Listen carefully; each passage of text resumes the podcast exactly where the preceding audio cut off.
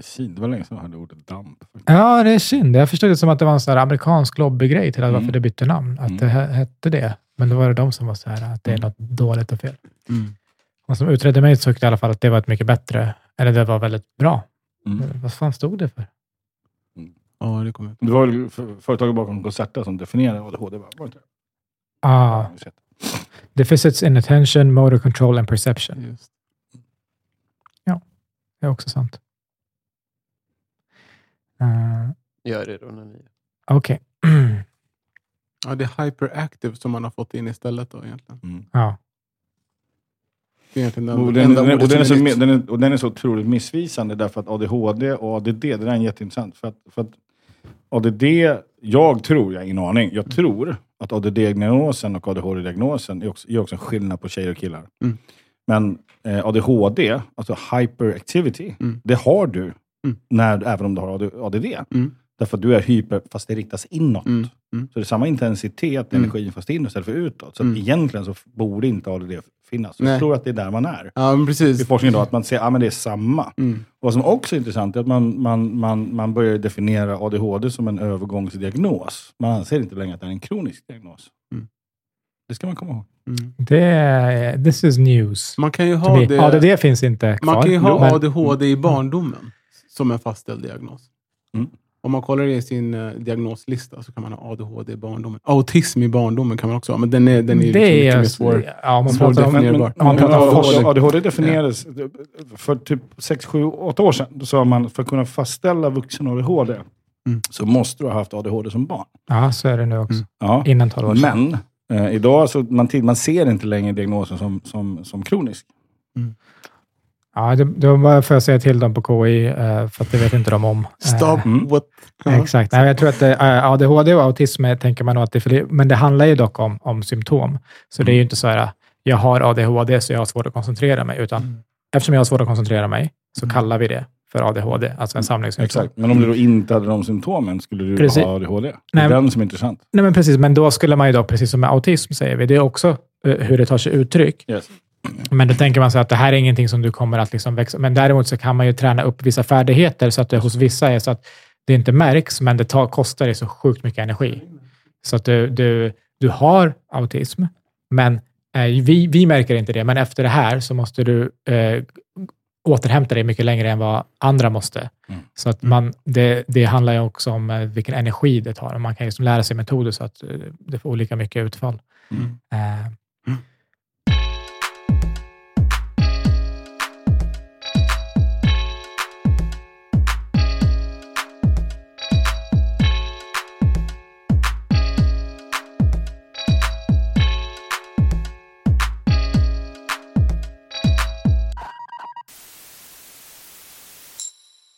Ja, hörni, eh, dags för ett nytt avsnitt. Eh, tack till alla som, som eh, lyssnat och, och hört av sig. Det har varit eh, rekordmånga efter förra avsnittet med David. Eh, vi, vi uppskattar det. Jättekul.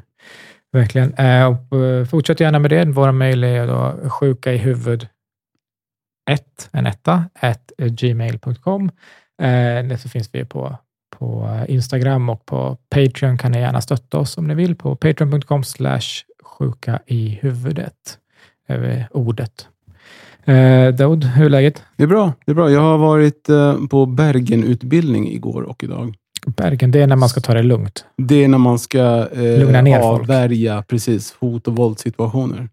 Så att jag har... På ett lugnt sätt. Ja, exakt. Ja. Utan att skada patienten. Det här som kallas lågaffektivt bemötande. Ungefär så. Och sen Mm. lite sådär, eh, kroppsliga grepp eh, eller manövrar man kan göra för att komma undan en svår situation utan att skada sig själv eller någon annan. Till är det här där man lär sig, om, om någon tar tag i ditt hår, Mm. då ska man inte dra bort. Nej, man ska Ska- krama personen. Ja, exakt. Mm. För att annars så sliter de av dig håret. Exakt. Man ska komma nära intill. Man gör en eh, 180 graders sväng ner mot buken mot eh, gärningspersonen så att säga. Och Man så, förvånar och så håller man, man håller handen kvar så att personen inte kan rycka av håret men Ja. kan heller inte slå dig Nej, jag tänker att eh, de med bara, kraft. pure surprise kommer bara släppa. Alltså det, vad fan, för jag tänker om man tar tag i någons hår och den kramar mig, då blir jag jävligt förvånad. Mm. Då lugnar man ner sig. Ja, men det blir ju lite så här, eh, överraskningseffekt. Ja. En person som kommer med ett skjutvapen och så bara, men kom nu tar vi en Ja, kram. vi tar en fika. Ja. Ja. Eh, Okej, ja, men vad, vad nice. Det får du säkert användning för i livet. Ja, förmodligen. Eh, Jag har ju två små barn hemma. Så. just det, Mm. de kan ju få fika. Eh, men idag, eh, no- nog om, om, om oss. Vi har en fantastisk gäst med oss idag, som är Alexander Holmberg, heter han. Eh, har en, är coach och har en podcast som heter Alex coachar en människa, av, av, av namnet. Eh, först, välkommen. Tack så jättemycket. Stor ära. Du föreläser också, du gör massa saker. Mm. Men, men jag är, eh, eller vi är nog mest intresserade av det här eh, coachandet då. Mm. Mm. Ut, ut, förutom eh, i, i podden då, hur... Men det är så många frågor, jag vet inte vad jag ska börja. Hur, hur, hur- hur fan kom du Hur på det nu? kramas du Alexander? exakt. Så, hur hur gör hur- du när någon tar tag i ditt hår? Verkligen. Om Daoud kramar folk, hur gör du när du hjälper människor? Ja, Eh, har du något eh, liksom go-to eller är varje, varje in, individuellt? Alltså det, här är, det här är en stor fråga. Du pratar om, om, om, om, en, om en bransch som är i utveckling, som är Mm. ganska ny, eh, kommer från USA, ganska amerikaniserat från början. Eh, som har haft massa olika utvecklingsfaser. Vi hade förra, för, förra regeringen som, som körde arbets, alltså jobbcoacherier som, Mm. plötsligt liksom extremt lågt utbildade människor som helt plötsligt satt och samtalade med svårt sjuka, långtidssjuka människor. Det blev ganska problematiskt ganska snabbt. Mm. Eh, det har ju varit en bransch som har lockat till sig allehanda intressanta perspektiv på Mm. personlig utveckling som, som, som är allt ifrån serious till ren och skär kristallhealing. Så att, så att, coaching har ju varit ett, ett, liksom ett skällsord, med rätta skulle jag säga. Mm. Eh, eh, men det är, också, det är också någonting som, det finns ju någon form av fin ambition i det här med, med att människor vill någonstans försöka hjälpa varandra. Men det blir plötsligt ganska kinky och dirty så fort det bara handlar om pengar. Mm. Och, och den amerikanska drömmen har ju liksom lockat dem bli den kända stora coachen. Mm. Stå på de stora scenerna och sådär. Och, vilket jag inte känner mig hemma hos. Men, men upplever du att folk är skeptiska till coaching? Alltså när de kommer... Det har mognat, skulle jag säga. Ja. Jag tycker det har mognat. Eh, men det, det fortfarande, fortfarande tycker jag det råder en ganska stor förvirring kring, kring vad är coaching, vad är terapi, på vilket sätt. Och, eh, och det har också varit ganska väl, befogad kritik mot coachbranschen från framförallt psykologer. Mm. Eh, eh, som som liksom ser hur coacher jobbar med människor som faktiskt är sjuka. Och det, där blir det problematiskt. Mm. Så. Och, ehm, Eh, Så det har ju funnits en skepticism eh, gentemot coaching. Idag har ju det här ändrats. Man, man börjar prata mer om att coaching är... ehm, det, det finns något, vilket jag också tycker är intressant, det finns någon form av idé om att coaching, ja det är för arbetslivet. Och, Mm. Och, och terapi skulle då vara för att jobba med, med privatlivet. Men hur i helskotta tror, har du fått för dig att du ska kunna separera de här två? Mm. hur jag mår på jobbet så kommer det påverka hur jag mår hemma. Hur jag Mm. mår hemma kommer påverka arbetet. Alltså behöver man ha ett helhetssystem, systemiskt synsätt på det ändå. Så för mig, för mig finns inte den skillnaden. Ehm, och det finns också ett problem i coachbranschen i sig. Att man, man refererar faktiskt aldrig till någon form av kompetens. Utan man, man refererar till jag är coach. Mm. Och sen så eh, är man en ICF-coach som visar på en organisationstillhörighet. Eller så är man EMCC-coach. Det visar också på en organisationstillhörighet. Är du en KBT-terapeut, då är du kognitiv beteendeterapeut. Du pekar åt vilken kompetens du har. Mm. Så, så det har också varit ganska svårt i coachbranschen att liksom säga vad är kompetensen bakom coachyrket. Så. Och vad är Mm. de olika kompetenserna som man skulle kunna, alltså motsvarande KBT inom coaching, vad skulle det, man, Jag, jag, jag skulle nog säga att KBT, eh, en, en otroligt viktig skillnad mellan coaching och terapi, tycker jag. Nu är, nu är jag ju utbildad KBT, i KBT också. Mm. Det var ju mer, mer för att veta vad jag inte ska hålla på med. Mm. Och, och för att förstå den här skillnaden själv. Och jag, jag tänker att en insikt jag fick när jag, när jag gick den här utbildningen, det var att det var ett väldigt stort fokus på det sjuka. Man, man jobbar liksom med att hitta vad är det som inte fungerar hos dig. Vad är det som är dåligt? Men en coach tittar inte på det. Det är inte det som är det intressanta, utan man tittar på det som är det friska. Och, och det tycker jag är en viktig skillnad, för det händer otroligt mycket i samtalet.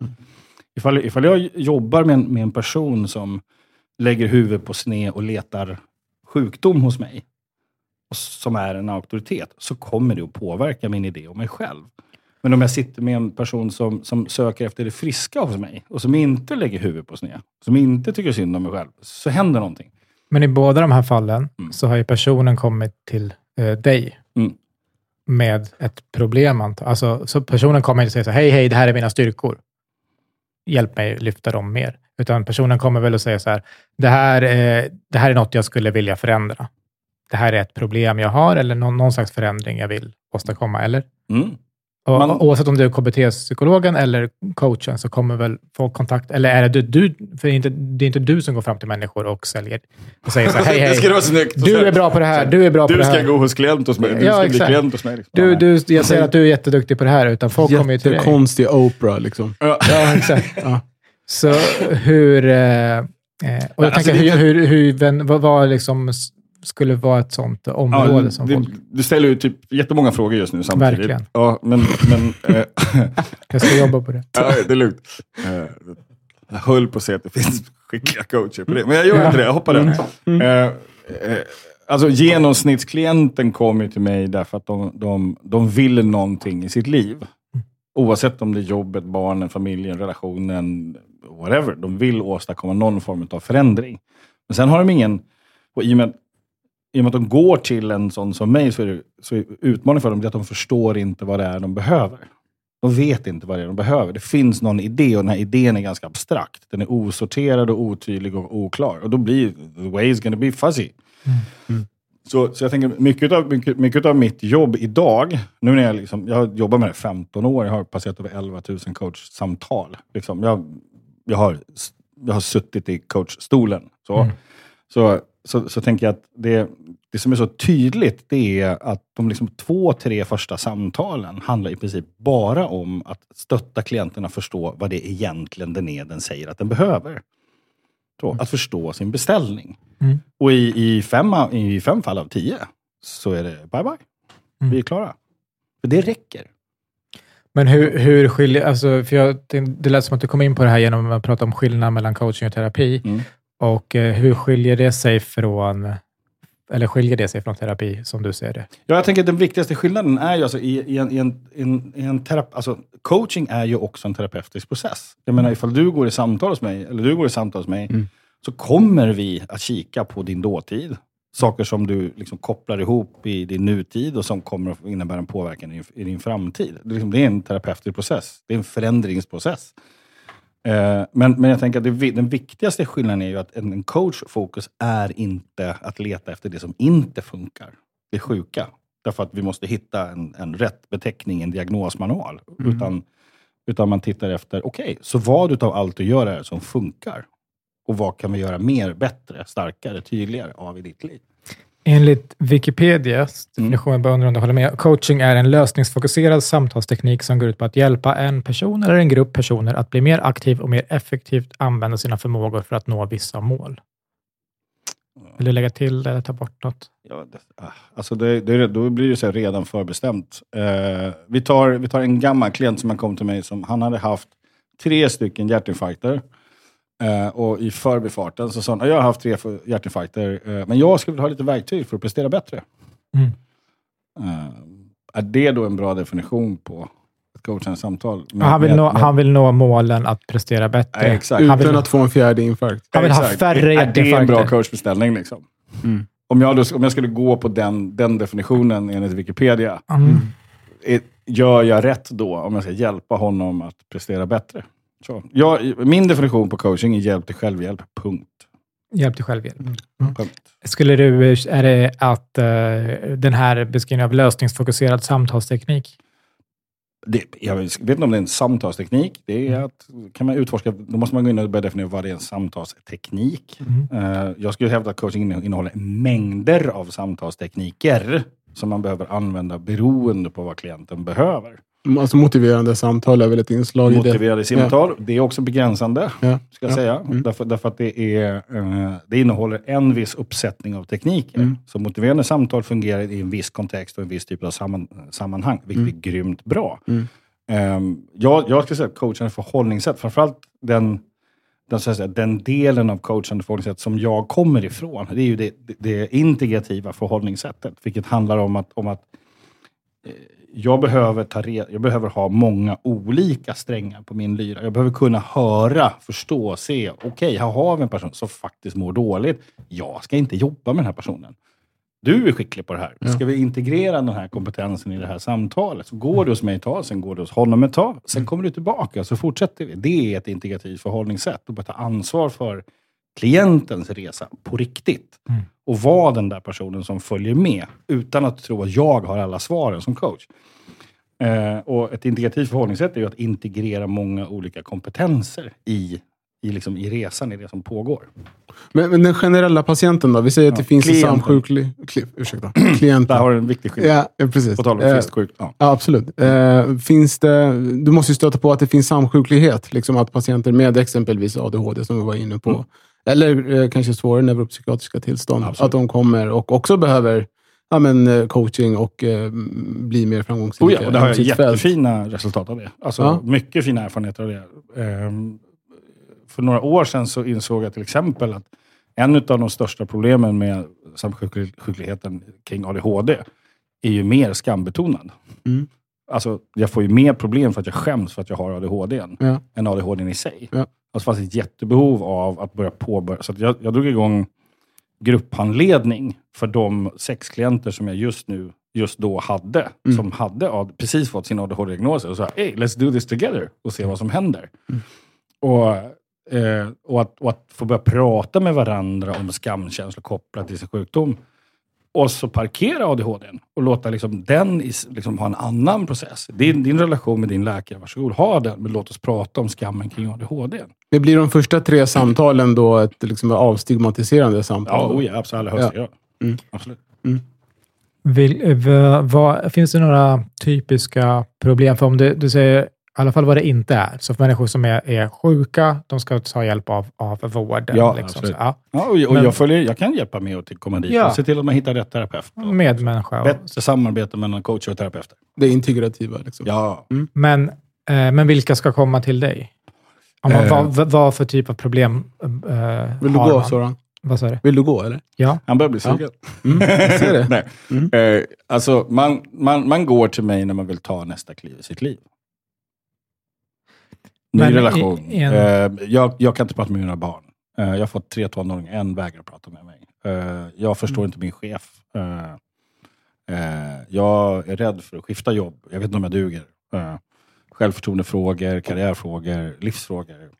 Många av de här, om jag ska säga... Jag, jag, jag, jag kan ta ett samtal som, som jag har med... Jag jobbar tillsammans med en klient som driver ett bolag, entreprenör. Han, eh, han, han är otroligt entreprenöriell. Med det menar jag kreativ, eh, ambitiös. Han, han, han vaknar och sover sin dröm. Eh, Han anlitade mig för typ två år sedan och jag har jobbat med honom under hans tillväxtresa. Det har varit ett stöd och bollplank. Så, då har jag pratat liksom hans affärsverksamhet och pratat hans... eh, Och, och sam, så plötsligt mitt i det här så dyker upp, min tjej vill inte ligga längre. Så, ja, men då Mm. jobbar vi med det. Hur påverkar det dig i ditt arbete? Hur ska vi se hur det här fungerar? Och, så, och, och sen, I morse så, så höll jag en utbildning. Han ringer mig klockan åtta på morgonen och säger, har du tid? Jag kan ta mig en stund. Och då har hans liksom, tjej varit otrogen och han har sumpat sin största affär. Han är helt knäckt. Han vet att han kommer losa sin verksamhet om tre, tre månader. Och här kommer vi till, till en, en fundering som jag har, en, av filosofiskt perspektiv och som jag, jag... Det är inget roligt att säga det jag nu kommer säga, men, men jag, jag undrar om det är så. så nu, jag, jag utforskar jättegärna det här, Ehm, men på något sätt så blir man ju a friend to hire. Det finns ett, det finns ett inslag av det. Absolut. absolut. Eh, eh, som, som, som, som jag tror för väldigt många coacher är extremt svårt att hantera. Att fatta att jag är inte din vän, jag är din coach. Men, så, så, att, så att den lätta begränsningen, den är ju så här, ja ah, men det där är terapi, det där är coaching. Mm, så när blir man en vän? Ja, men alltså, jag hade ju fattat att, det, att du inte är min vän när jag får min första faktura. Tänker jag. Det är inte alla som gör det. Nej, okej. Du behöver ta mer betalt. ja, eller? Nej, det gör jag inte. Men Nej, men, Nej. men, men hur, eh, och hur hanterar du, du det? För det är ju nå- någonting tydligt som jag tycker är en, en, en distinktion som jag har förstått och bara själv man hör om, om någon kompis som går till, till i, i terapi, men Mm. till eh, eh, de som kanske inte är legitimerade psykologer utan är psykoterapeuter. Mm. Ja. Är det någon gång när det är gränslöst så är det där. Det är menar inte att alla är så, men där det är så här, ja, eh, hon, han ringer mig på kvällen och kollar hur det går, skickar ett sms. Det är liksom gräns, Mm. lite gränslöst. Eh, och samtidigt så kan jag förstå eh, utmaningen i att sätta gränser och att man vill kunna hjälpa någon mera och sånt där. Så hur, hur funkar det för dig? Jag, jag tänker, har du svårt med gränsdragning, då ska du inte jobba som psykoterapeut eller coach. Punkt. Mm. För då har du inte gjort ditt självarbete. Just det. Ja. Och, och hur, men då antar jag att du har inte det.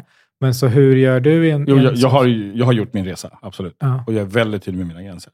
Nu ja. ja, men precis. Ja. Nu kan du det. Men så hur hanterar du eh, en sån situation? Är, det där ditt jobb som coach då, när, i det exempel som du gör? Eller har det blivit en vän? I, han, I hans fall, i och med att han är i process just nu, det är mycket som händer samtidigt, så har vi pratat om det och sagt, okej, men nu när det krisar, här är mitt nummer, du får ringa. Mm. Jag har liksom gett accept till det. Vad, vad jag ville säga med det exemplet, det, det är att alltså, vad, vad innehåller coachande samtal? Jo, utmaningar i livet, skulle jag säga. Eh, när, när det tjorvar till sig och att ha någon att prata med. Och det är ju där jag också kan känna, vad fan? Vad är det som har hänt? Vad, vad, är, vad har samhället tagit vägen? Alltså, på något sätt så... Jag, jag fattar att jag gör ett bra arbete och att det arbete jag gör är viktigt och, och jag är bra på det. Men vad fan alltså. Det här borde ju egentligen inte behövas. Men tänker du inte att det blir så här... Eller, jag, jag nu pratar vi en ganska hög nivå här. Ja. Ja. Men jag tänker att den föreställning jag har är att har man, låter man det gå, den här relationen så att Mm. säga, gå tillräckligt länge så, så f- kompetensen på något sätt fades out eh, i Mm. liksom den kontakten ni har eh, och eh, hans, det han blir hjälpt av egentligen, att det är du. Liksom din röst, ditt sätt att... Ja, det där är ju till- jätteviktigt att ha koll på. Alltså Ja. beroende relationer och medberoende processer. Ja, och absolut, ja, det där är fruktansvärt viktigt. Ja. Ehm, och jag menar, säg mig den coach. Det finns ju faktiskt bara en coachutbildning i Sverige som, som jobbar med det innan de certifierar en coach. Ah, okej.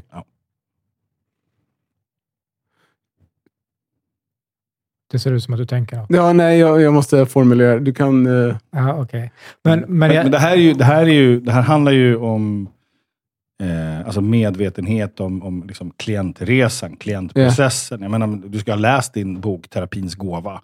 Du ska ha koll på vad är, du, ska, du ska ha gått i vad är det du ska själv. behandla, så att säga? Ja, Eller eh, vad är det du ska... Fisk, fisk, fisk. Ja, ja, jag, hittar, jag hittar inget bra neutralt ord. vad är det du ska hjälpa, vad behjälpa Vad är det vi ska jobba med? just det, just det. Vad är det vi ska jobba med? Jobba med. Ja. Mm. Eh, vad handlar det om och vad är det för någonting? Ja. Vilka friska, sjuka, konstiga, märkliga, obehagliga grejer finns det? Låt oss prata om det. Mm. Så att, Men är, upp, öppna det. Ja. Jag måste ändå säga att jag tycker väldigt få av de sakerna låter som att det är någonting annorlunda eh, från vad folk söker till eh, en psykolog för ändå, eller en, en eh, psykoterapeut, alltså i terapi. Att, så här, Jag har stött på något hinder i livet Mm. vill, och, och det kan vara så här, jag känner mig som en dålig förälder, jag oroar mig generellt, eller något abstrakt som är så här, Mm. jag, mår in, jag, jag vet inte vad det är. Jag är Mm. bara, äh, livet är vad som helst. Jag vet inte varför, men, men eh, det är jobbigare att gå upp på morgonen eller Mm. något. Eh, och så, eh, liksom så. så Mm. det, Så anle- det måste vara bra förvirrande för människor, alltså vanliga Mm. människor, att söka hjälp idag. Alltså vem ska jag gå till? Hur ska jag gå till? Det behövs ju en tydlighet här. Så, och jag tänker också att det behövs, behövs tydligare liksom, gränsdragningar, kan jag tänka mig, mellan liksom, att, att gå till en psykoterapeut och att gå till en coach. Mm. Eh, och, och, att de här, och att de här två branscherna börjar samarbeta bättre. Därför att, därför att psykologer suger på vissa saker, men är fantastiska på andra. På samma sätt, så jag ska ju, är ju skitdålig på att behandla en, liksom ett ångestsyndrom. Eh, det, det ska inte jag jobba med. Så, jag kan hjälpa en klient att fatta att aha, jag har ett ångestsyndrom. Aha, jag behöver stöd. Och börja, liksom, jag kan motivera en klient att säga, okej, det kanske är dags för dig att gå i terapi. Här är namnet på en bra terapeut. Och att motivera en klient att börja våga ta hjälp. Mm. Så, där gör jag ett bra jobb. Eh, ja. men, men jag har aldrig hört talas om tvärtom. Att en psykolog skulle säga, låt oss... Jag tycker du ska gå till en coach istället. Jag ska referera dig till en coach. Mm. Mm. Vad, Nej, tror du att det skulle behövas, eh, vad tror du det skulle behövas för att det skulle hända? Eller vad tror du att det, den, eh, skepticismen eller något eh, beror på? Eller det är som det- höga det- hästen? Eller? Ja, det, det så behöver ju... Alltså, kursbranschen är väl ungefär där KBT var när KBT kom. Uh, uh, är det där som katten släpar in i, i, i, det, i det freud- freudianska rummet. Mm. Liksom. Eh, men jag, jag tänker mig att, att coachbranschen har en stor bakläxa att göra och det är att, att, att, liksom bli tydlig med sin evidens eh, och liksom Mm. de forskningsbaserade referenserna som man gör. Så. Men är det Eh, dyrt med coaching? Alltså jag tänker, vilka, vilka det socioekonomiska är lite grupper? skor, liksom. Ja, det beror Ja. på vilka skor. Det beror Ja. på vilka skor. Och det beror Jag det var coach skor behöver är. man. Ja, ja okej. Mm. Mm. Jag är, jag är, en del skulle säga att jag är svindyr. Ja. Andra Ja. skulle säga att jag är fruktansvärt billig. Mm. För om du går till mig och vi jobbar Är det du som är tillsammans. andra? Eh, nej, men om, om vi jobbar tillsammans Ja. eh, och, och jag jobbar med dig och det tar tre gånger och det kostar 15 000. Mm. Kontra om du skulle gå hos mig eller hos en terapeut i två år. Så ska vi ta en fundering på vad är det som är dyrt. Ja. Eh, Men det är därför man aldrig ska gå till en terapeut i två år. Eh, heller. Men, men, i, eh, det, men är... eh, Det, det där kändes som en intern kommunikation där. Jaha, nej. Nej, då, okej. då, har, då har jag missat den i alla fall. Okej. Eh, jag, jag, jag, jag, det var internt hos Daoud bara. I Ja, Daoud. precis. Ja, okay. eh, men eh, precis. Det är när synapsen Daoud, vilket funkar. otroligt skönt namn det är. Ja. Daoud. Ja, Daoud. Jag får sån här. ja. Daoud. det är lite Homer Simpson fast arabisk. Du vet han... Daoud! Ah! Lite så. Ja. Fast jag, jag hamnar mer i Fast-. Ja. Mm, kontakt. Ja. Mm. Det är bra. Ja, det är hans artistnamn. Han heter Jonas egentligen. Ja, exakt. exakt. Jonas Ali. Eh, du sa att du har gjort en egen resa ändå, för att kunna sätta gränser och så. Eh, när du då ja, har gjort den resan så antar jag att du har varit på platser där du har mått dåligt.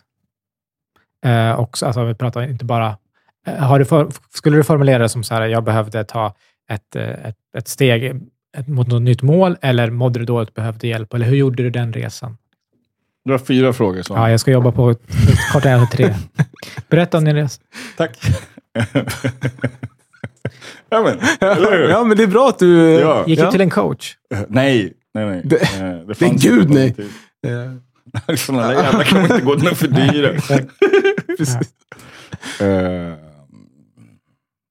Eh, så vad är din fråga? Om jag har gjort en resa? Det är klart, alla människor gör en resa på olika sätt. Hur, Alltså, hur har du... Eh, Jag, jag, det, det du frågar efter misstänker jag. Det, alltså jag, jag, ehm, jag, jag är uppväxt med en, med en ensamstående förälder, en mamma som har en, en väldigt svår diagnos som är bi- bipolär. Eh, hon har väldigt svår grad av bipolaritet. ehm, vilket, och det här upptäckte jag ju väldigt tidigt. Um, mm, åh, det, är så spännande. Men hon, hon, eh, hon, det, hon har alltså en inkubationstid från, från första dygnets sömnlöshet till psykos i ungefär 24 timmar. Oj. Ja, så det går så extremt Mm. fort.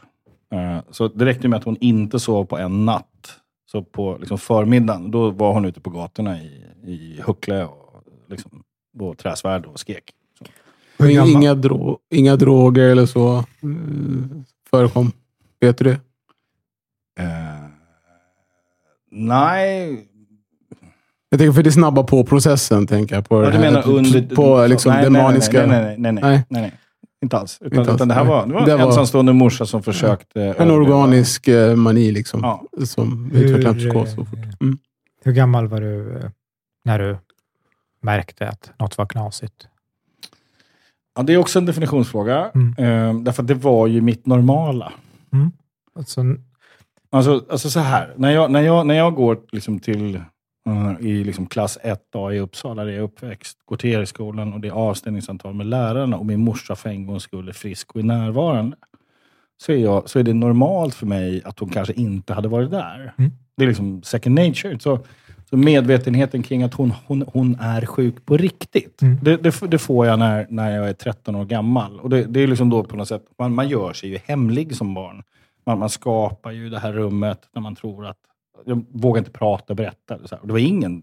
Det var helt fascinerande att sociala myndigheter faktiskt aldrig liksom blandade sig i, utan släppte den här lilla killen. Jag har, det är en, jag har en sekvens när jag, när jag, är, jag går i tvåan eller trean, tvåan eller trean, Och, och eh, min mamma har fått en psykos. Hon är inlagd på, på eh, Ulleråkers sjukhus, avdelning 103.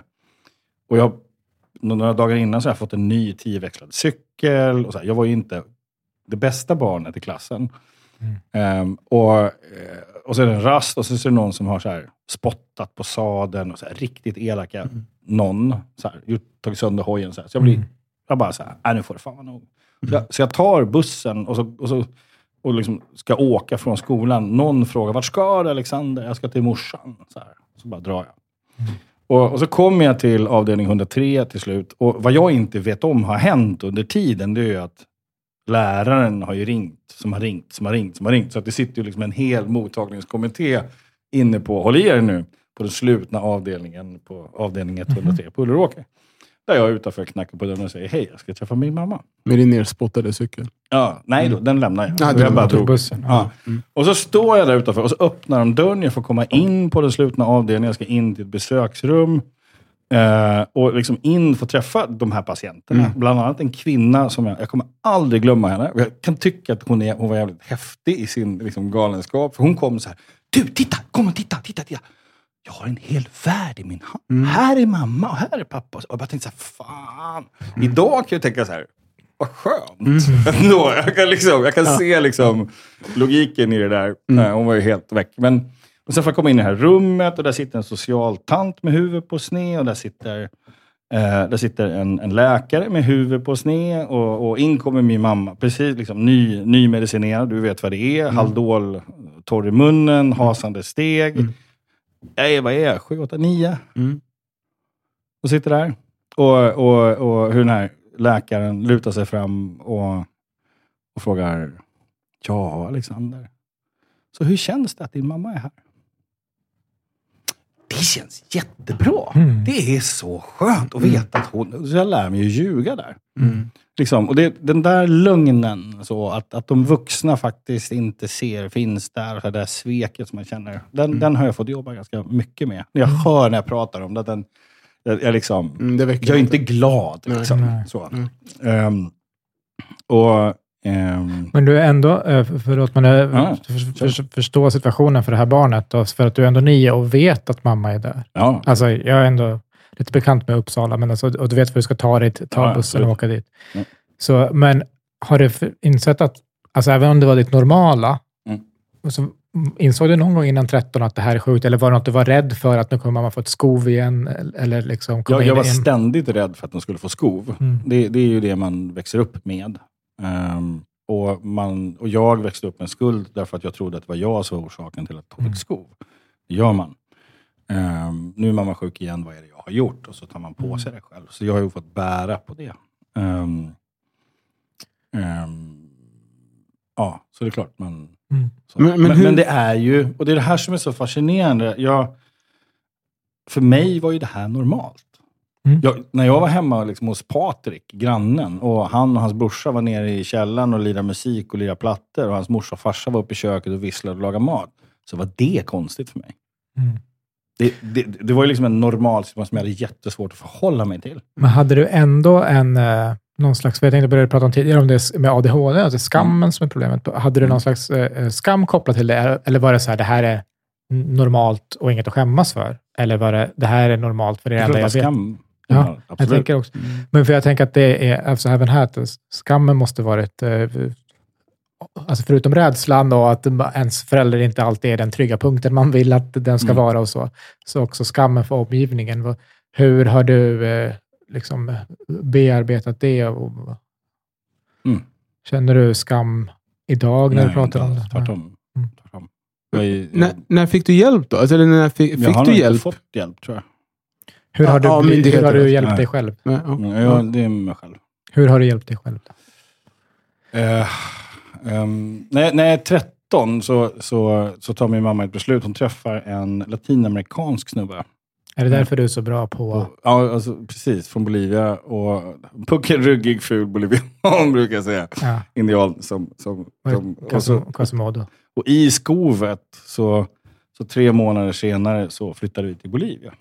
Så, och, och det, är det, här, det är det här samtalet. Jag är då på besök hos min pappa uppe i Norrland. 13 år gammal, precis in på vägen in i tonåren. Och så ringer min mamma till honom. Och det har hon aldrig gjort. Mm.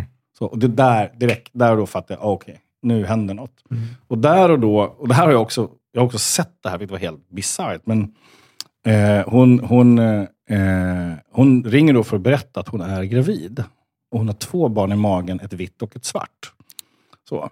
Och, och där förstår jag plötsligt min pappa för första gången och, och börjar våga prata om vad är det här? Vad är det som har hänt? Liksom, så.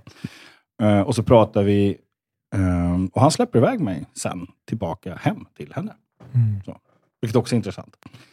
Eh, och, eh, och Vi hamnar i Bolivia efter mycket om och men. Och eftersom mamma har vårdnaden så pappa kan inte göra så mycket. Hur, hur gammal är du nu? 13? 13. 13. Mm. Och, och eh, landar i La Paz, Bolivia. Och ja, jag tror fan att det var där det började.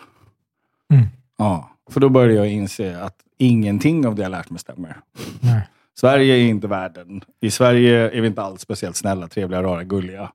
Eh, vi har inte alls tillgång till allt i Sverige. Vilket skitsnack. Så, jag Mm. får upp ögonen för att världen är så otroligt mycket större än någonting annat. Jag, jag får lära mig att upptäcka vad det är att inte kunna prata.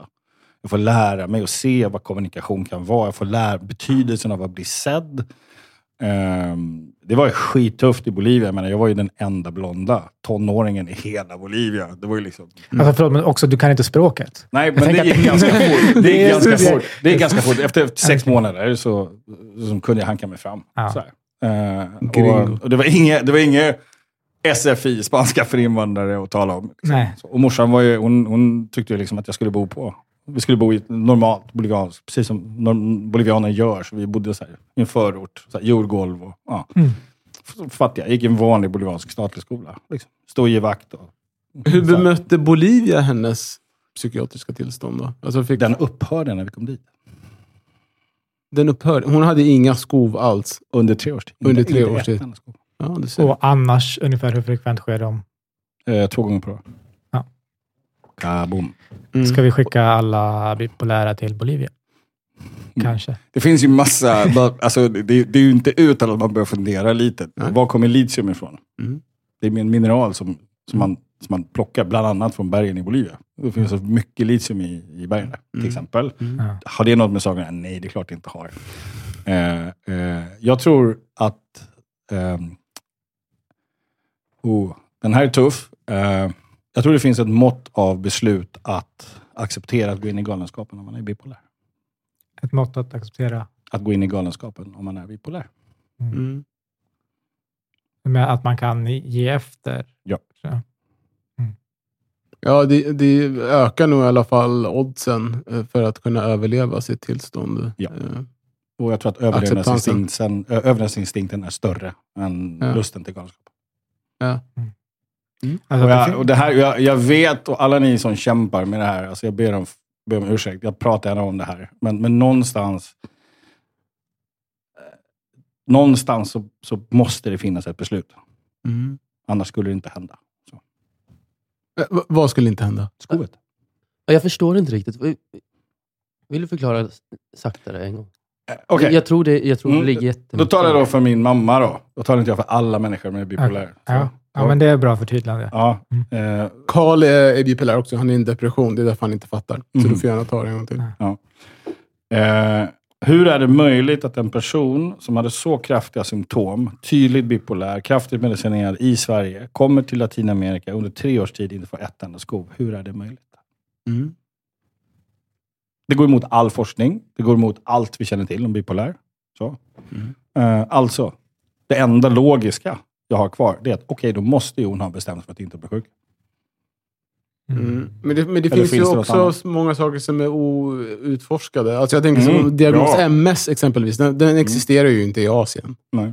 Jag hade en patient som hade, och MS får, den debuterar man ju oftast i, liksom i runt 20-årsåldern. Mm. Eh, och jag hade en, en mm, kvinna inom psykiatrin som kom hit i 40-årsåldern och fick diagnos MS i Sverige. Mm. Eh, och hade inga symptom överhuvudtaget i sina 39 år i sitt hemland i Asien. Det finns noll utbrända kurder i Kurdistan. det finns några här i Sverige. Ja. Precis. Eh, Ja, men för att bara gå tillbaka till det här. Jag tänker, jag tänker att, att det är ju någonstans är det också ett beslut man har som, som till exempel om man, om, man, om man lever med bipolaritet, att ta hand om sig eller inte ta hand om sig. Vilket får stor påverkan på sjukdomen. Man tar ju ett beslut att äta eller inte äta medicin, vilket också får påverkan. Det här är ju intressant. Liksom. Mm. Men skulle, är det menar att det skulle kunna vara ett sådant beslut, att till exempel att din, din mor skötte sin medicinering bättre i Bolivia? Hon hade ingen medicin i Bolivia. Okej. Hade Men- hon färre negativa stimuli i Bolivia? Exakt, antagligen. Ja. Men, men det kan ju vara sådana Och det kan yttre vara så faktorer. enkelt Ja. så att hon helt enkelt var lyckligare Ja, exakt. där. Ja. Exakt. Och då- då fanns inte samma så. Men ehm, så vi, nu är hon inte här, Mm. så det är lite förmätet att liksom sitta och sia om Ja. hur det var. Jag, men, men om man, för hon har rätt till sin upplevelse. Det här är ju min upplevelse. Och jag, ehm, och jag tänker en 13-åring som ser det här, som har den historien. För mig blir det ju, Mm. vad fan kan hon... Alltså kan hon styra över sina skor? Såklart. Och och det är den jag är ute efter. Och, jag, och jag, jag, idag så vet ju jag att det är ju inte så enkelt. Mm. Utan det är, det är en mängd processer som sker för att, för att ett skov ska uppstå. Och, jag, och det är därför jag ville be om ursäkt på förhand. Så att ni inte liksom går i väggen här nu. Att jag säger Nej. att du kan välja att bli sjuk eller inte. det Nej, är inte det jag säger. Men för mig som barn är det det. Ja. Som 13-åring, det är ju det som händer. Blir du arg på mamma? Ja, det är klart. Mm. Det är klart. Och det finns ju en ilska både mot mamma och pappa. Och den här riktar jag såklart mot mig själv sen när vi kommer tillbaka till Sverige. Hur gammal är du då? då? 16 år. Ja. Och, Förlåt att det blir sån eh, liksom biografi över ditt liv, men det är väldigt intressant. Eh, Mm. Ja, verkligen. Tidslinjen är biografin, det kommer nästa år. Det var så, Ja, exakt, exakt. Eh, eh, så du är 16, så tre år i Bolivia. Tre år i Bolivia och så kommer vi tillbaka till Sverige. Eh, och det som gör att vi liksom blir, måste... För vi flyr från Bolivia. Eh, det var nämligen demokrati under tiden vi bodde där. Hennes bolivian, så att säga, han var politiskt aktiv Mm. innan. Alla har det i demokrati. Bolivia. Och, ja, precis. Och sen, så- sen så var det ett skifte eh, och mannen som hade torterat honom satt i fängelse. Och han av en slump var och besökte en person i fängelset, så torteraren ser honom. Sen på natten några veckor senare så släpps den här torteraren från fängelset och gör ett nattligt besök hemma hos oss. Mm. För Mm. han ska sätta dit Coco igen. Jorge, som han heter. Ja. Mm. Är du med? Mm. Jag är med. Ja. Och det är bara jag hemma. Mm. Så att jag får möta den här personen i några timmar. Eh, och den vill jag inte gå in på. Eh, och sen, eh, sen lyckas jag få tag på eh, alltså min mamma och hennes snubbe. De är någonstans nere i stan. De är, jobbar med någonting. Och jag är tvungen att sticka till en annan släkting för det finns inga telefoner. Ja. Sen kommer liksom partibilen. Sen lever vi under jorden i tre månader. Mm. Det är farligt för oss att vara kvar.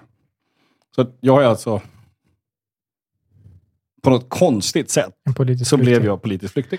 Mm. Vilket är en extremt konstig upplevelse. Ehm, så. Men vi levde under jorden i, i ungefär tre månader och då fick min mamma sitt skov igen. Så att jag tog hand om henne i tre månader med en kvinna som alltså är i psykos. du vet ju vad jag pratar om. Eh, hon, eh, och den enda medicin jag lyckats få tag på det är Haldol. Eh, och hon, hon alltså gick och hon, var, Mm. alltså, hon åkte in på Haldolavgiftning när vi kom tillbaka sen till Sverige. Mm. Eh, hon var, ja, Mm. Ehm, och så vi lyckas ta oss till flygplatsen. Så blir hans pass indraget, det blir strul, vi får åka hem, vi ska fixa pengar, nya biljetter, mecka. Komma till, till slut kom vi hem. Mm. Tillbaka till Sverige efter ganska mycket om men. Um, Vad är det för känslor då när du kommer hem? Är det mest eh, lättnad, glädje eller ilska? Eller så, hur? Saknar värmen. Jag var, ja, precis. Saknar Mm. värmen. Mm. Mm. Eh, ehm,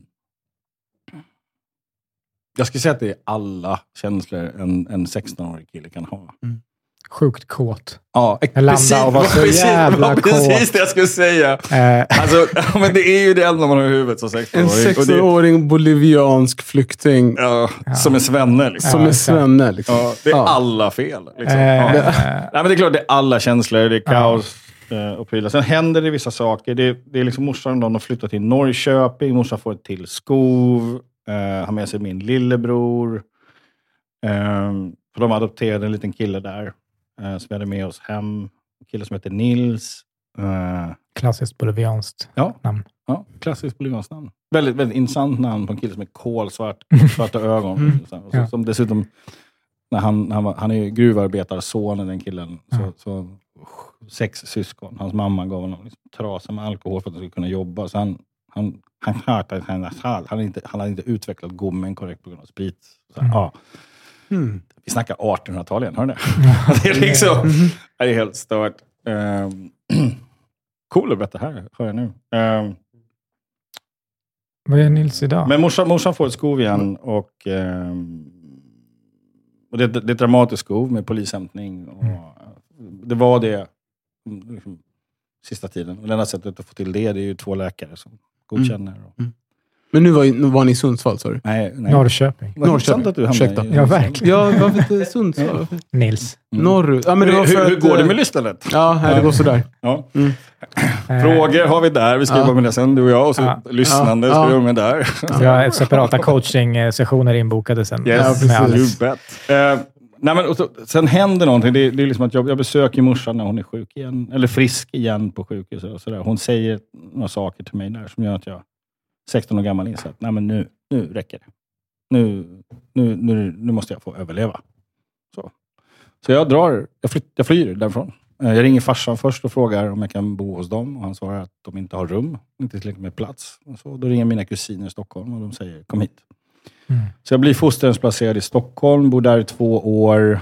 Som 18-åring så uh, väljer jag att flytta hemifrån och eh, då hette det, med 18-årings perspektiv, så hette det att jag drev rockklubb och det var cool och jag rörde på mig i ganska häftiga kretsar och punkare och rockare. Wah, så här. Om sanningen ska fram så var jag hemlös Mm. och sov på nattbussarna i Stockholm eh, och var ganska nära the edge. Alltså. Um, jag vet hur det är att dricka te klockan fem på morgonen med väktare som har väckt dig på bussen. Det är ganska mysigt. Så, Mm. på, ja, faktiskt. Uh, Trevlig väktare. Ja. Låter det som. de finns. Så. Framförallt Mm. när de säger att man är ung Bol- kille. som- Boliviansk flykting. Boliviansk flykting. Mm. Mm. Ja. Eh, Så. Hur, Men, men jag hur, tar man sig, hur tar man sig ur det? Det, det är väldigt Mm. lätt. Det, det, Att, det, det eh, som händer där, sympatisera det, och det, som, se- jag, jag, jag komma till det. För att det som händer här, det är, alltså jag är ju jag är så nära att liksom tappa allt. Jag har ett jobb, jag jobbar inom grafisk industri, jag har en dålig gymnasial utbildning, men jag pratar spanska flytande, jag är med i facket och, liksom så, så läser jag facktidningen. Och det, och det, det är en annons och där står så här, teknisk ambassadör sökes till tjänst i Nicaragua. Jag bara så här, eh. Så jag söker. Eh, och får jobbet. Så jag blir biståndsarbetare. I, det här låter helt stört, men det, det är sant. Alltså. Och, eh, och han som ger mig det här jobbet, Göran Söderlund, han, han har ju berättat så här i efterhand, när han såg mig. För jag kom ju in med tuppkam och liksom, jag var ju cool kille, punkare liksom. Eh, alltså, snubben får två minuter, sen slänger jag ut honom. Så, men men eh, jag får jobbet. Så att 19 år gammal så arbetar jag som biståndsarbetare i Nicaragua eh, med ett stort projekt. Och där händer någonting. Ehm, jag börjar få eh, förtroende från en äldre. Eh, någon tror på mig. Eh, någon, någon lyssnar på mig, respekterar mig för det jag säger, det jag behöver. Ehm, jag upptäcker att jag behöver inte vara någon annan än den jag är. Jag, det är okej att vara mig själv. Så. Sen tar det några år, eh, för jag, vad jag liksom har gjort parallellt för att liksom fixa de här svåra åren, är det, det är bullshit. För att få, så här var det. När jag kom tillbaka från Bolivia så var jag nobody.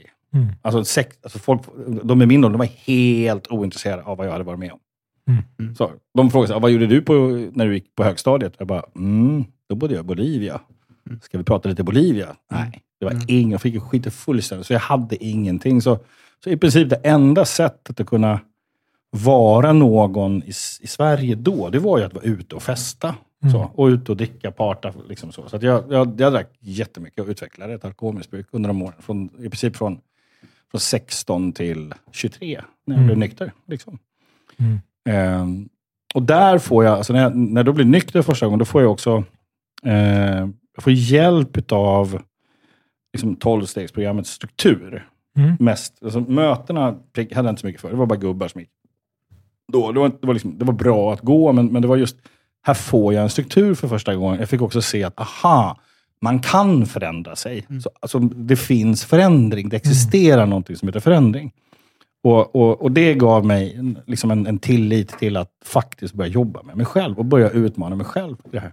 Och i tolvstegsprogrammet så jobbar man en del med, med typ coacher. Och alltså att coacha Nej, nej, nej, inte coachning, nej, men, nej. man, man stöder person. Eh, nej, inte det heller. Eh, utan du har en sponsor. Sponsor. Ja. Ja, men det är alltså det enda du har, det är en person som hjälper i tolvstegsarbetet som har gått före. men precis. Jag bara tänker att, att eh, i det här som du pratade om innan, att människor som hjälper varandra eh, och, och det är att du, Mm.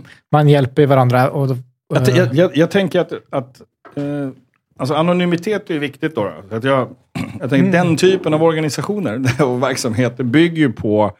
Bygger ju på eh, dels har de ett tolvsteg, det finns en tolvstegstradition som handlar om liksom, det egna arbetet. En struktur för att jobba med sig själv. Sen finns det också något som heter tolv traditioner. Och det är egentligen tolv stycken regler för hur gruppen ska fungera. Vilket är, alltså, den typen av organisation hade inte existerat utan traditionerna. Så.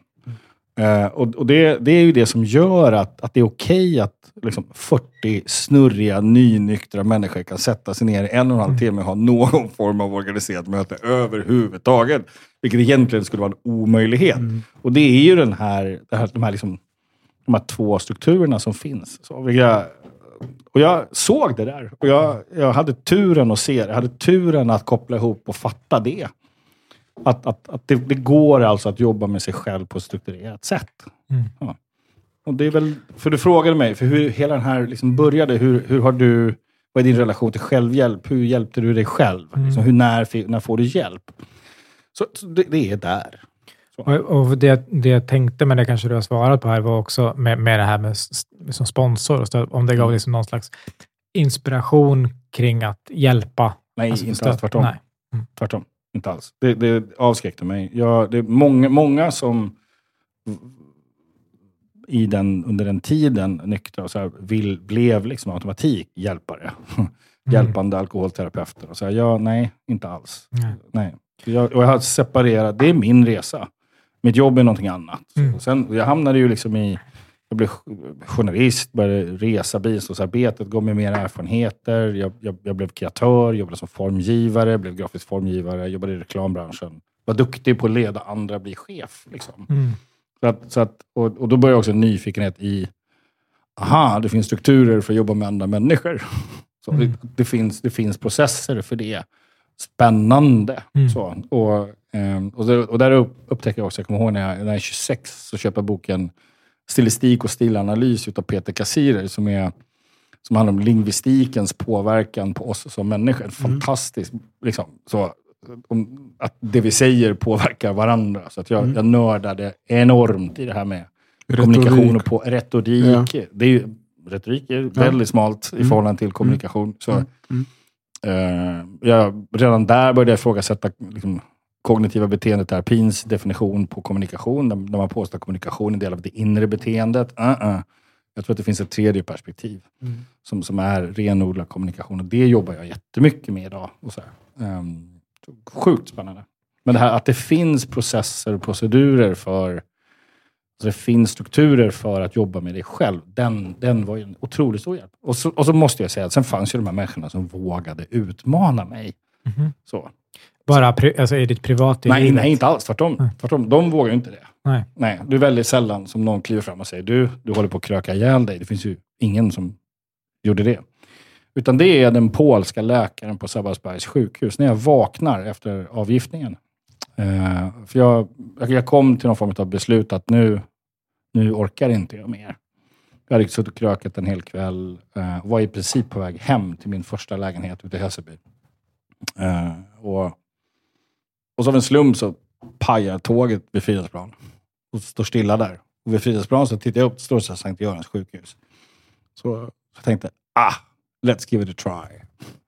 Så jag går till Sankt Görans sjukhus och, eh, och det är en läkare som, som tar emot mig och så, du har ju druckit. Du måste blåsa. Och så blåser jag 2,9 promille. Jätte, Eh. Jättemånga promille. Ja, det är väldigt många promille. Mm. Eh, då ska, jag ska alltså inte kunna stå upp Nej, Nej, nej, nej. och vara normal, men det är jag. Så, så Ja. De lägger mig ner i en ambulans och kör mig till, till tillnyktringen. Och på morgonen där, där möter jag den här polska läkaren som, som, som ja, om, jag, om hon hör det här så kan jag berätta att hon finns i mitt hjärta för resten av livet. Mm. Så får hon vara så jävla cool. För jag ligger där. Jag tror ju då, jag får ju för mig när jag vaknar, jag har ju fått eget rum.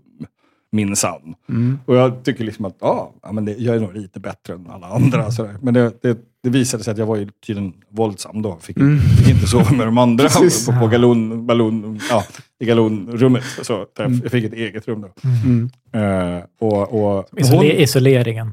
Ja, n- Ja, typ, exakt. Åh, schysst eget Lights rum. out! Oh Ja. lights out! Ja, precis så. Ungefär så.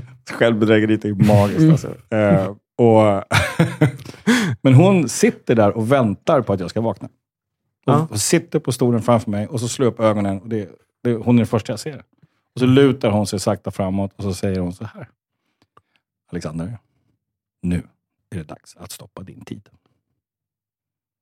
Så dödade hon dig. det låter som att det kunde inte låta bli. Ja. Vad skönt det Nej, men jag bara så, ja du har helt rätt. Mm. Så, så jag sa ja till att, att liksom påbörja min tillnyktringsprocess. Mm. Och det var det första, första gången jag blev utsatt för ett coachande samtal. Mm. Mm. Det är precis exakt det som är ett coachande samtal. Modet att våga sitta kvar fast det är fruktansvärt jobbigt för klienten. Mm. Och våga säga exakt det där som kommer skapa en skillnad. Det de behöver. Liksom. En Ja, det är ett coachande eh, samtal för mig. En, en annan eh, stor skillnad skulle jag säga, låter det som, mellan coaching och, och terapi. eh, Att man inte är rädd för att ge tips och råd i coaching. Man ger inte tips och råd i coaching. Nej. Överhuvudtaget. Okej, Då är det Nej. någonting annat man håller på med. Okej, men vad är det hon eh, gör när hon säger att nu... Hon säger nu, hit men inte längre. Ja, Så, det är inget tips, det är inget råd. okej. hon en, vad är det? Hon är väldigt tydlig med uppmaning. gränsen. En uppmaning. Ja, men precis. Men det är din gräns. Om man säger så här, Mm. eh, man skulle kanske vara, kolla efter varför inte, vad, vad tycker du, vad tänker du? Nej, liksom ingen sån. öppna frågor. Ingen Nej, men precis. Ja. Utan hon är väldigt auktoritativ. Inte Ja. auktoritär, skillnad. Ja. Auktoritativ eh, och, och är väldigt rak och tydlig. Här är min etiska gräns. Hit men inte längre. Ja, Fast det är du som dricker, så det är inte hennes. Nej, nej, men hon hade kunnat välja att inte sitta där. Hon Ja. hade kunnat välja att säga, är det inte dags Alexander, att faktiskt, att du behöver lite hjälp? Hon Mm. hade kunnat lägga huvudet på sned också. Mm. Du har något emot folk som lägger huvudet på sned. Det är det jag liksom- hör också. Jag tänkte, hade det gjort stor skillnad? eh, Just det där Hade hon lagt huvudet på det sned så hade hon- medömkandet. Liksom. Mm. Hade inte funkat. Nej. Alls. Har det varit... Eh, det, Direkt. hur, jag vet inte exakt hur gammal du är, men det var ett tag sedan den här nykterhet... Eller den här- 30 år sedan. 30 år sedan. Eh, du åldras väl. Tack. Hur... Mm. Eh, så, som mjölk, eller är det inte det man säger? Ja. Nej, men hur... Är Eh, har det varit eh, svårt att hålla det även efter att du... Jag, jag, har, jag har druckit igen. Eh, och då är det mer, jag tror att ett problem för mig det var att jag var för ung. Eh, och, att, och att springa runt i, i den miljön med liksom, nyktra människor som säger oh, om du dricker en så dör du. Det blir till slut en kontraproduktiv sägning. Så, så att, så att, och sen, ja, jag testade. Eh, och, och insåg att det var ju, det hände inget problem. Det var inget dramatiskt. Det var, inga, det var inte den snubben som jag var när jag var 23. Men jag insåg att, att det är, jag blir personlighetsförändrad när jag dricker. Och, och det betyder inte att jag blev sämre när jag, när jag drack igen. Men jag upptäckte att jag var inte längre mig själv. Mm. Och, och det räckte. det räckte. Och det var inget du ville? För jag menar, vissa Nej. vill ju det. Ja, nej. Nej, nej, nej. nej. Det är, jag, jag är Du den jag du är. gillar dig jag själv. älskar att vara den jag är idag. Mm. Jag njuter av den jag har fått bli i det här väldigt konstiga livet som jag har gått omkring med. Fint att höra. Mm. Och så har du sedan dess, är det svårt för dig att avstå? Är det en utmaning? Nej, För jag tänker, nej, nej man- jag tänker inte ens på det. Nej. Nej. Eh, kan, hjälper du en del som försöker, kommer en del som vill sluta dricka till dig? Ja, så här är det då. Jag, jag, jag vill inte skylta med min historia. Mm. Därför att utan på min sajt så står det, det står inte alkoholterapeut, alkoholkompetent och sådär. Därför att då, då skulle ju de här aktiva alkisarna som är där ute, jobbar ute i näringslivet och som, som tycker att de har problem. De har ju aldrig problem med alkoholen. Just det. Utan det är alltid någonting annat. Och då behöver de gå till en coach. Mm. Lång näsa, de hamnar framför mig. Mm. Mm. Men då kan du ju hjälpa dem med det Ja, det är klart jag också. Jag Absolut. tänk, ja, det skulle kunna vara så att du har en... Eh, man kanske har svårare att förstå, för, för dig är det inte så utmanande att sluta dricka, men för vissa att sluta dricka är en konstant daglig kamp. Liksom, Det är även långt, långt efteråt. besatthet, ja. Ja, men precis. Eh, är, är det svårt för dig att, att liksom sätta in, har du en helt annan upplevelse än vad de har, eller går det lätt att relatera till dem? Ja, Om de, Jag har, förstår inte frågan. om de har den här mentala, varje dag brottas Om, om man är aktiv alkoholist, då har man en mental besatthet kring att få kröka, ja. Mm. Men även om man inte... Det finns ju de som har slutat dricka Mm. och som tycker fan det är en kamp. Men de har inte blivit nyktra, hävdar jag. Då. De har inte slutat på riktigt. Okej. Du menar att eh, tänkandet är en del av... Eh, Det, det är det som är att bli nykter. Alltså det fys, den fysiska bi- biten av Ja, att bli det- nykter, den är väldigt kort. En väldigt liten del av det. okej. Men, men, den den mentala mentala processen, den alltså, mentala att, processen att, att fatta nykter. beslutet. Att fatta beslutet är Ja. någonting helt Det är något annat. Ja, just. Men, Du men, kan bli eh, fysiskt, och, och, du kan bli fysiskt nykter, men sen bli psykiskt nykter. Och hitta andra sätt att tänka, andra sätt att liksom, relatera till dig själv. Istället för att gå i fällan. Att, så. Det, är, det, är, det är någonting helt annat. Mm. Jag gick ju varje dag på möten i sju års tid för de sa att men om du inte gör det så dör du. Jag var ju livrädd första åren. Mm. Och bra, bra att det var det. jag är ju här. Mm. Tror att du inte hade varit det annars. Mm. Hypotetiskt, ingen aning. Nej. Jag, jag, jag, jag, tror, jag tror att en, en, en egenskap som jag har haft turen att födas med, det är, det är nog att jag tycker om det här livet för mycket. Men det verkar också som att du så här, har ju en tendens till att viga ditt liv åt... Vi säger så här, du hade punk och punkrocken Mm. och sen var det helt plötsligt eh, liksom i Nicaragua och biståndsarbetare. Och, alltså det blir så extrema vändningar. Liksom. Och sen är det alkoholen som också blir lite... Det, det, alkohol är ju inte extremt från punken. Det är väldigt Nej, det är sig ganska nära. Men från biståndsarbetare till tillbaka till alkohol tänker jag att det, det är ganska tvära vändningar. Det låter som att du gör saker helhjärtat när du gör dem. Alltså det är bra. Jag säger Ja, ja, nej, det- men jag det gör ingenting häftigt. halvhjärtat. Nej. Absolut Nej, inte. ja, precis. Nej, nej. Ja. nej. Nej, men, jag Ska man göra det- något så då gör man det det. Och den har jag fått från Bolivia. Mm. Jag tror du skulle säga från mamma. Nej. Det, var en förä- så det förändrades innan Bolivia? Eller liksom, det var inte något du Det, hade alltså med dig innan? Bolivia var... Alltså om min mammas intention var att, att någonstans att flytta till Latinamerika för att rädda mig från Sverige. Mm. För jag hade inte fixat att leva i Sverige Okej. som tonåring. Den, den kan jag förstå. Hon räddade livet på mig och sätta mig i, i en boliviansk statlig skola. Det var skitjobbigt, skithemskt, skitknepigt. Men det var, jag, jag tror bara med att det räddade mitt liv. Alltså, där och då. Vad var det som eh, var, hade blivit svårt i Sverige? För Jag hade, jag hade nog slutat på Hall, liksom, kriminellt. Mm. Liksom, så. Av den enkla anledningen att i Bolivia, alltså om jag, om jag går till skolan en morgon, så öppnar jag dörren och då, då, då står en granne där som säger hej Mm. och pratar med dig. Mm. och frågar, vad ska du göra då? Vad ska du ha för dag idag? Och sen så går jag tre meter till och då är det en annan granne som står och sopar gatan och säger, nej men vad söt du var idag, vad kul. Och jag vet vad de heter. Jag vet vilka de är. Och jag kommer runt hörnet så går jag förbi bagaren och han frågar, hej, missa inte att klockan tre så släpper vi mjölet. Då, då börjar vi sälja bröd igen. Var här i tid så kommer du. Jag kan fixa så du kommer lite snabbare och får köpa bröd. Sjukt bra på svenska, de där bolivianerna. Ja, eller hur? Ja, men verkligen. Det är som filmen Och- Coco. Med, det är bara Ja. hunden Och Dante det, vill som säga, fattas. och det vill säga, jag blir ju sedd. Mm. Jag får vara någon. Eh, men i Sverige, jag var ju osynlig. Och så den enda jag var, var ju den problematiska ungen vars morsa var galen. Liksom. Mm. Eh, och det var ju den enda identiteten som jag liksom hade att tillgå. Så där menar jag att, att det händer någonting väldigt viktigt. För, för det låter ju som, för att koppla tillbaka till det du sa i början med, med coaching, att, Mm. att du, vill, du vill se människor för vad de är och Exakt. de kompetenser de har. Mm. Eh, Och det, att det är det som kan få dem att, att eh, utvecklas eller nå... Jag skulle säga att det är det som får människor att utvecklas. Mm. Mest av allt.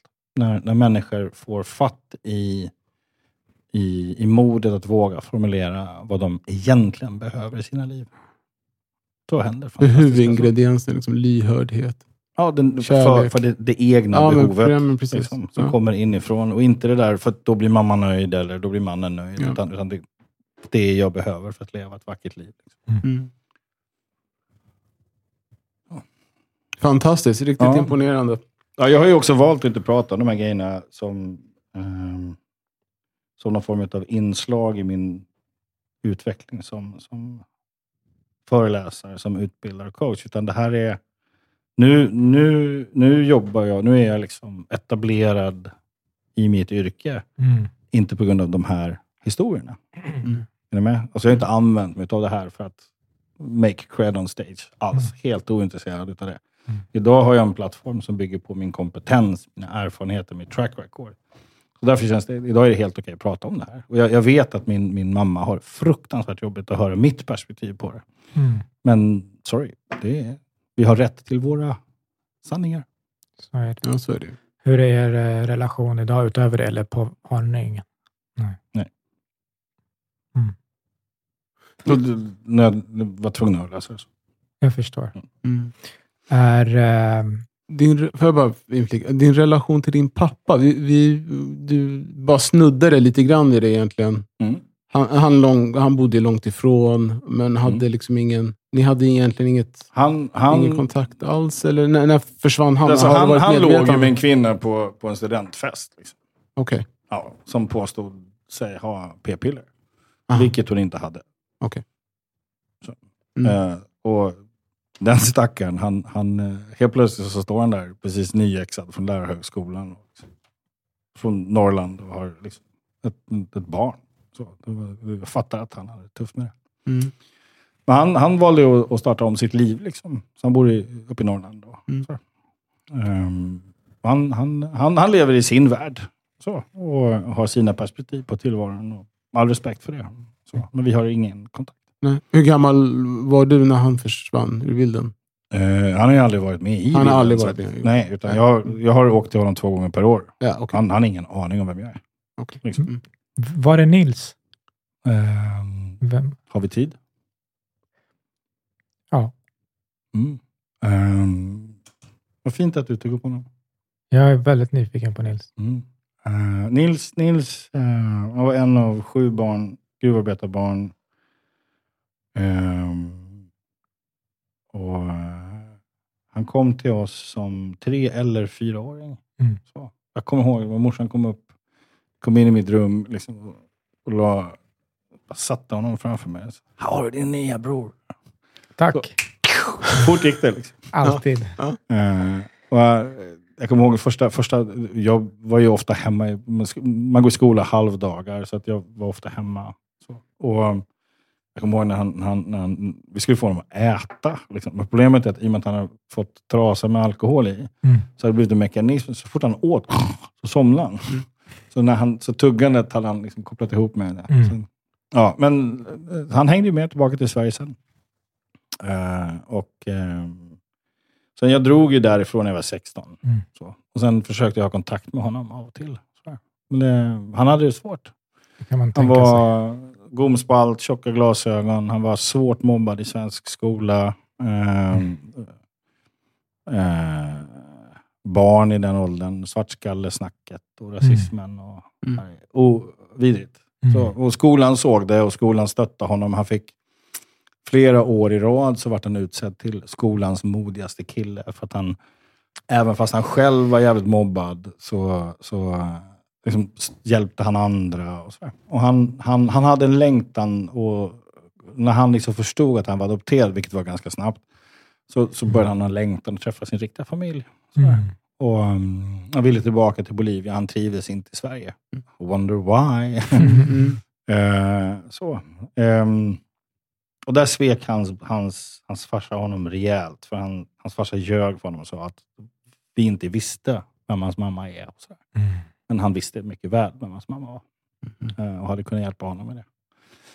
Ehm, sen när Tommy är 19, eh, när, när, förlåt, när, när Nils är, är 19 så, så, ehm, så helt plötsligt är han hemma hos mig. Han mår bra. Han, han, han kommer upp och hälsar på. Vi har fint snack. Han har varit på besök i Bolivien några år innan. Och så här, vi har, ja, så här, han har en tjej. Och, Mm. man berättar jättemycket grejer.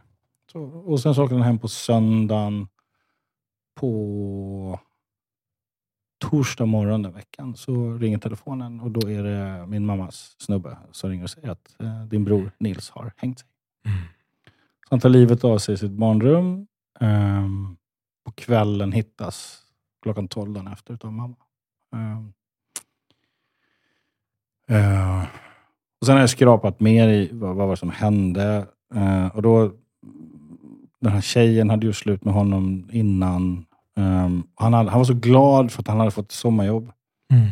Eh, och på måndagen den där veckan, han skulle ju till sitt nya jobb. Mm. Så, och på måndagen, jag ska inte säga företaget, för det kanske är någon som bara gör något elakt. Men det är ett Ja. företag i Norrköping eh, som har en restaurang. Han skulle jobba i restaurangen.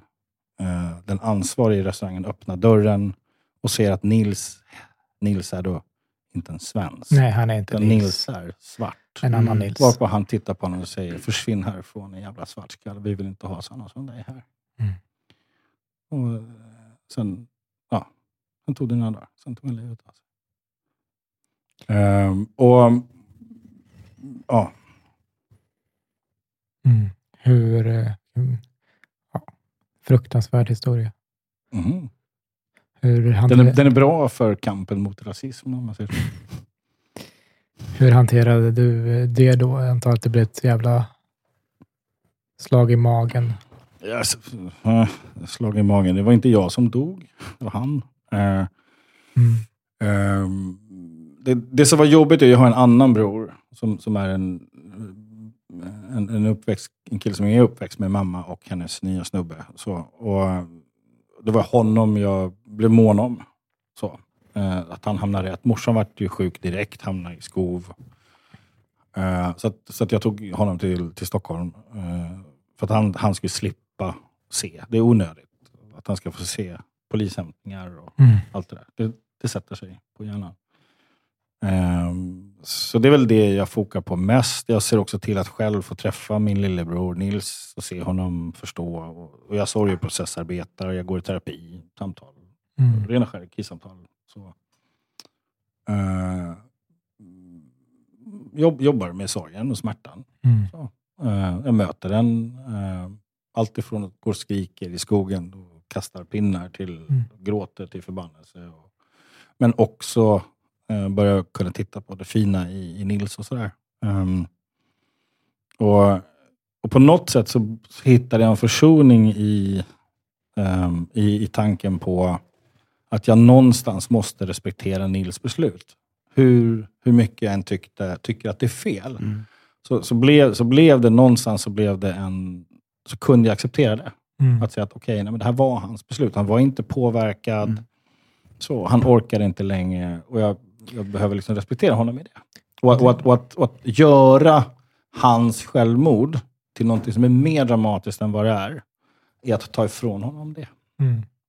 Det är väl eh, omgivningen jag tänker man ska vara upprörd på och inte Nils och Självklart. de, de omständigheter som han Ja. tvingades leva med.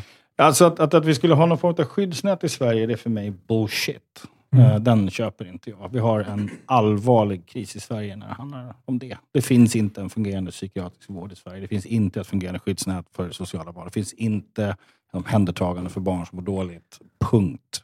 Och med det, har du någon, eh, något tips om man lyssnar och lever med kanske någon förälder, alltså antingen precis som din situation eller något liknande och man inte kan lita då på, på att eh, samhället ska hjälpa en. Finns det något man kan göra tills Jag man kan tänker som flytta? anhörig, alltså, väck, lever du med, med någon anhörig som, som är bipolär, Mm. så, så är du inte ensam. Så, hur mycket den försöker övertyga både dig själv och din omgivning om att du är det, så är du inte det. Mm.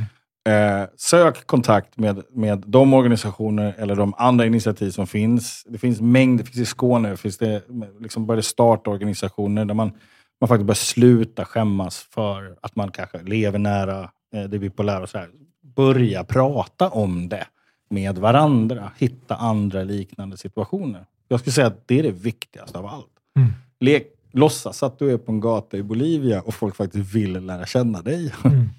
Så, eh, så.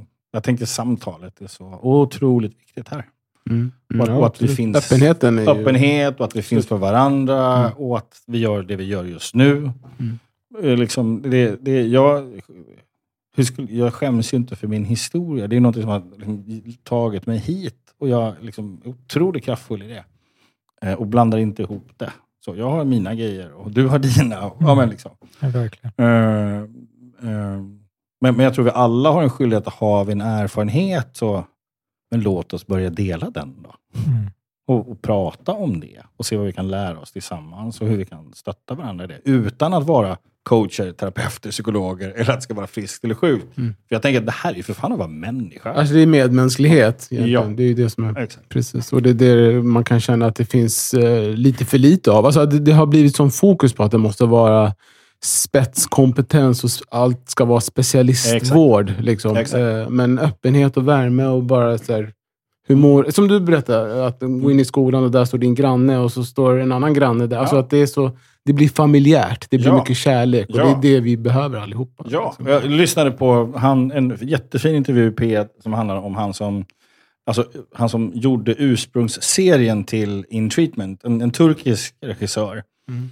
Eh, för det, det, var, en turkisk tv-serie från början Mm. som sen blev amerikaniserad, som blev In Treatment. Och så var det en intervju med honom och frågade så okej, så du har ju varit med och bidragit till en, en, en utveckling och en öppenhet kring terapeutiska processer i världen. Vad, vad, vad tänker du om det? Och då svarar han, ja, det, det, är en, det är en otrolig glädje och en förbannelse Mm. som jag har varit med och bidragit till. Glädjen är ju att fler börjar våga gå i samtal. Mm. Oavsett om det är terapeuten eller coachen eller vad det är. Wonderful. Men förbannelsen, ja, det är att vi tror att vi måste, att det är någonting fel på oss Mm. bara för att vi mår dåligt. Att då är vi plötsligt inte okej. Eh, och jag, herregud, det är en del av livet. Mm. Vi ska sörja, vi ska känna ångest, vi ska vara ledsna, sorgsna, deprimerade. Ett, ett sjukdomstillstånd som är ångestrelaterat, då har det gått jävligt långt. Mm. Och bara att få säga jag mår skitdåligt, jag har ångest och att det är okej, på- är, lika viktigt som att säga fan vad glad jag är. Mm. Jag känner energi och jag vill framåt. Båda är lika viktiga. Men vi har börjat tystna. Shit, jag håller ju utbildningar i coachande ledarskap en gång i månaden. Jag träffar så många chefer och ledare som bara, jaha, får man prata om sådana här saker? Mm. Ja, vad skulle hända om vi började göra det? Jaha, wow. Mm. Det är en del av ett modernt ledarskap. Att våga vara sig själv tillsammans med andra. Ja, det jag kan bara instämma. Det är berättelserna och våra erfarenheter, att dela dem som är det viktiga. Så ett Mm. stort tack för att du delade dina otroliga eh, erfarenheter. Kan du stötta någon så är jag tacksam. Mm.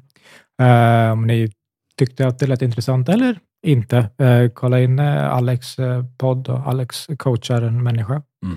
Eh, jag vet inte om det kommer några fler spin-off där jag vill att du också ska coacha olika djur, eh, skulle jag vilja se. Mm. Eh, Vilket djur. vilket som jag älskar djur, det är egentligen det. Eh, så jag vill se dig eh, apor. Jag skulle vilja se mig coacha en apa. Ja, också, Är du medveten om att det här kommer ju bli av nu? också en tvättbjörn. Ja. Tvättbjörn. Alltså jag har ju alltså connections till Skansen här. Ja. Ja, så det här kommer ju tyvärr att hända. Jag, det finns ingenting...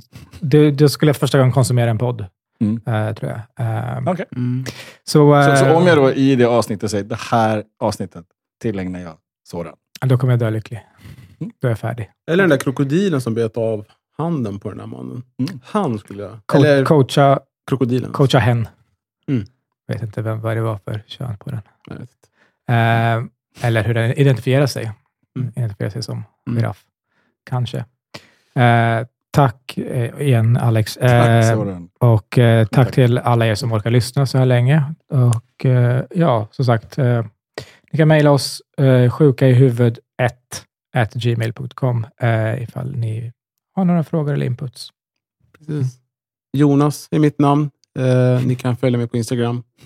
Eh, Där du heter, Daud Ali. just det. Ja. Du måste vara trygg i dig själv Jonas. Precis. Eh, ta hand om varandra. Puss.